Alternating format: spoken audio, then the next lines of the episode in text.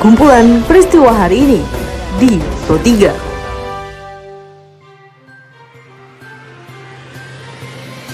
Halo pendengar, saat ini Anda sedang mendengarkan kumpulan peristiwa Pro 3. Pada podcast ini, saya akan mengulas terkait isu-isu aktual yang saat ini masih hangat atau ramai diperbincangkan di sekitar kita. Pendengar tentu saja nanti saya akan hadirkan cuplikan informasi dari reporter kami. Bersama saya Tika Nantia dengan naskah yang disusun oleh Karisma Rizky, inilah kumpulan peristiwa Pro 3 di ruang dengar podcast Anda. Pendengar sebelum saya masuk ke dalam beberapa isu aktual yang akan saya hadirkan sesaat lagi, saya mengundang Anda untuk mampir terlebih dahulu untuk mampir ke laman berita kami di rri.co.id. Anda juga bisa memfollow sosial media kami di Twitter, Instagram, juga Facebook dengan mengetik RRI Programa 3 di kolom pencarian Anda. Pendengar informasi pertama datang dari reporter kami Noviana Gebi yang melaporkan bahwa Gubernur DKI Jakarta Anies Baswedan akan mendistribusikan 20 juta masker kain gratis untuk warga Jakarta. Anies mengatakan masker itu akan nantinya didistribusikan secara bertahap kepada seluruh warga Jakarta. Diproduksi 20 juta, 20 juta ini akan dibagikan kepada seluruh warga di Jakarta. Pembagiannya nanti melalui kelurahan, kemudian ke RW, RT, lalu nanti akan dibagikan ke setiap kepala keluarga yang ada di Jakarta. Nanti setiap orang akan menerima satu paket yang berisi dua masker. Jadi seluruh penduduk Jakarta akan mendapatkan dua masker yang wajib digunakan kalau meninggalkan rumah. Kita beralih ke informasi lain mendengar masih dalam rangka perkembangan kasus COVID-19. Hal ini dilaporkan oleh reporter kami Safira Amalia, di mana juru bicara pemerintah terkait dengan penanganan COVID-19 Ahmad Irianto mengatakan hari ini bertambah sebanyak 347 kasus positif. Namun, angka kesembuhan masih tinggi apabila dibandingkan dengan angka kematian. Kasus baru yang terkonfirmasi sebanyak 300 47 orang sehingga jumlahnya menjadi 10.118. Kasus sembuh meningkat 131 orang menjadi 1.522. Kasus meninggal 8 orang sehingga total menjadi 792 orang. Pendengar selain itu, Yuryanto juga mengatakan bahwa sebesar 54 persen dari kasus positif COVID-19 berasal dari kelompok usia 30 hingga 59 tahun Sedangkan sekitar 16% persen dari total jumlah kasus positif berasal dari kelompok usia 60 hingga 79 tahun.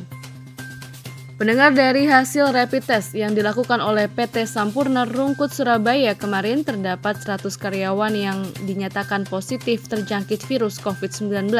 Saat ini mereka sementara dikarantina dan diisolasi di salah satu hotel di Surabaya. Hal itu membuat perusahaan meliburkan karyawannya sampai dengan batas waktu yang belum ditentukan. Sebagaimana reporter kami Anik Hasana dari RRI Surabaya melaporkan, Ketua Gugus Kuratif Dr. Joni Wahyudi menjelaskan bahwa mereka akan melakukan PCR swab di RSUD Dr. Sutomo.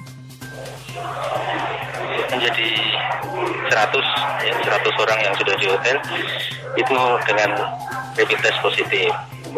Yang 163 semuanya? Ya, uh, 63 maaf yang positif 63, yang 100 ditambah yang 100 yang ditambah yang eh, 24 dokter saya lupa ya saya belum dikabari itu terkait HIV ya besok yang akan kita lakukan PCR di Sutom. Tadi yang 63 sudah rapid test positif. Sudah positif. Yang 100 belum. Jadi ada 323 lagi ya.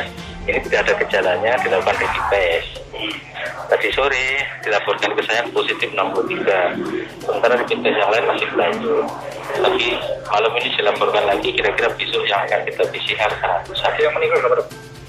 Informasi selanjutnya pendengar Ketua Ombudsman Jakarta Raya Teguh Nugroho mendesak pemerintah Kota Depok untuk bertanggung jawab atas konsekuensi dari pembatasan sosial berskala besar atau PSBB dan segera menyalurkan bansos ke seluruh non-data terpadu kesejahteraan sosial atau non-DTKS. Hingga saat ini masih ada sebanyak 245 ribu kakak non-DTKS yang belum menerima bansos dari Pemkot Depok. Sebagaimana dilaporkan oleh reporter kami Rido Lingga, di mana Teguh mengkhawatirkan jika bansos dari Pemkot Depok tidak segera turun, hal ini akan menimbulkan efek negatif, yaitu memaksa warga untuk berbuat kejahatan. Tapi pembatasan siapa yang harus menerima ini tidak boleh menyebabkan tidak tersalurkannya bansos. Jadi untuk itu mau tidak mau ketika kita sudah berkomitmen mengajukan PSBB maka ada atau tidak ada dana datanya sudah valid atau belum valid itu tetap harus diberikan bantuan dulu sesuai dengan kemampuan. Dari PSBB Depok kita menuju ke Nusa Tenggara Barat pendengar di mana Kabupaten Dompu Nusa Tenggara Barat menduduki urutan terbanyak kedua kasus positif COVID-19 se-Nusa Tenggara Barat. Dengan kasus positif saat ini sudah tercatat mencapai 32 kasus, satu meninggal dan PDP mencapai 33 kasus. Reporter Mujtahidin melaporkan bahwa Bupati Dompu Habambang M. Yasin menegaskan tidak akan mengajukan PSBB. Hal ini dikarenakan menurutnya Dompu masih dalam tahap aman. Ya saya lebih cenderung mengedepankan itu tadi konsep bahwa yang tidak suka dengan COVID ini bukan cuma saya. Semua orang tidak suka dan harus berusaha untuk mewujudkan ketidaksukaan itu. Membenci COVID itu jauh lebih baik daripada saya membuat kebencian dari orang. Orang saya menghimbau tidak sholat ke masjid saja, saya dikirimi anu WA kok. Pasar dibuka, masjid ditutup. Pendengar melonjaknya kasus pasien positif COVID-19 di Kabupaten Dompu dalam minggu kemarin adalah akibat dari ketidaktertiban klaster Goa yang tidak transparan terkait jumlah korban positif COVID-19. Kita beralih ke informasi lain pendengar akibat hujan deras selama sepekan terakhir di Barito Utara, Kalimantan Tengah. Hal ini menyebabkan sungai Barito meluap dan ribuan rumah warga di 9 kecamatan Kabupaten Barito Utara, Provinsi Kalimantan Tengah terendam banjir.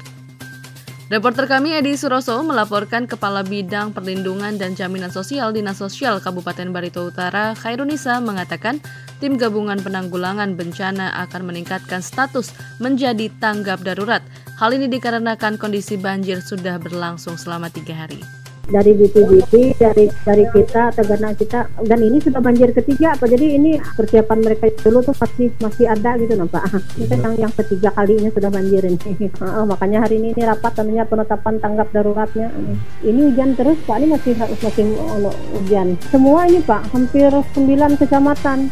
Uh, memang mereka kita kita sudah beberapa kali pak kita buatkan dapur umum. Jadi dapur umum untuk memberi apa makanan ke mereka yang kesulitan mereka masih di rumah masing-masing pak. Mereka bikin apa? Kan rumah mereka kan ada yang memang bertingkat gitu rata-rata. Kalau yang enggak mereka bikin apar-apar. Nah memang sebagian ada tempat keluarganya. Adapun Khairunisa menambahkan bantuan yang sudah disalurkan berupa makanan yang didapat melalui dapur umum Tagana. Pendengar informasi lainnya datang dari kabar Roma Hurmuzi yang telah menghirup udara bebas. Walau demikian, Komisi Pemberantasan Korupsi atau KPK ini tetap menempuh upaya kasasi ke Mahkamah Agung.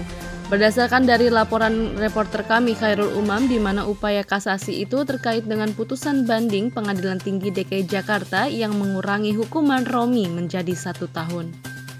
Melalui juru bicaranya, Ali Fikri, KPK memandang terdapat sejumlah persoalan pada putusan banding Pengadilan Tinggi DKI Jakarta.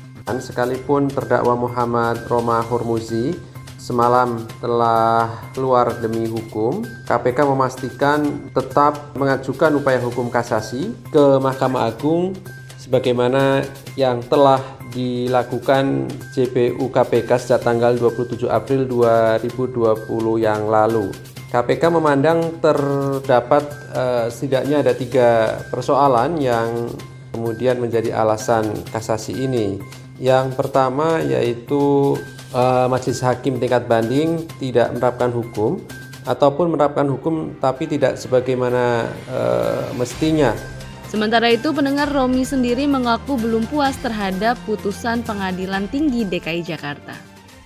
Uh, meskipun uh, kami belum puas dengan putusan yang ada di Pengadilan Tinggi uh, karena belum sesuai dengan fakta-fakta hukum yang memang mengemuka selama persidangan, tetapi ini adalah berkah bulan Ramadan bagi saya yang patut saya syukuri adalah saya kembali bersama dengan keluarga. Saat ini saya belum berpikir tentang uh, perkara saya karena yang paling penting bagi saya adalah kembali bersama keluarga. Mendengar informasi tadi sekaligus mengakhiri perjumpaan kita pada podcast edisi hari ini. Anda masih bisa mendengarkan podcast edisi hari ini dan hari lainnya di Spotify dengan hanya mengetik Pro 3 RRI di kolom pencarian Anda.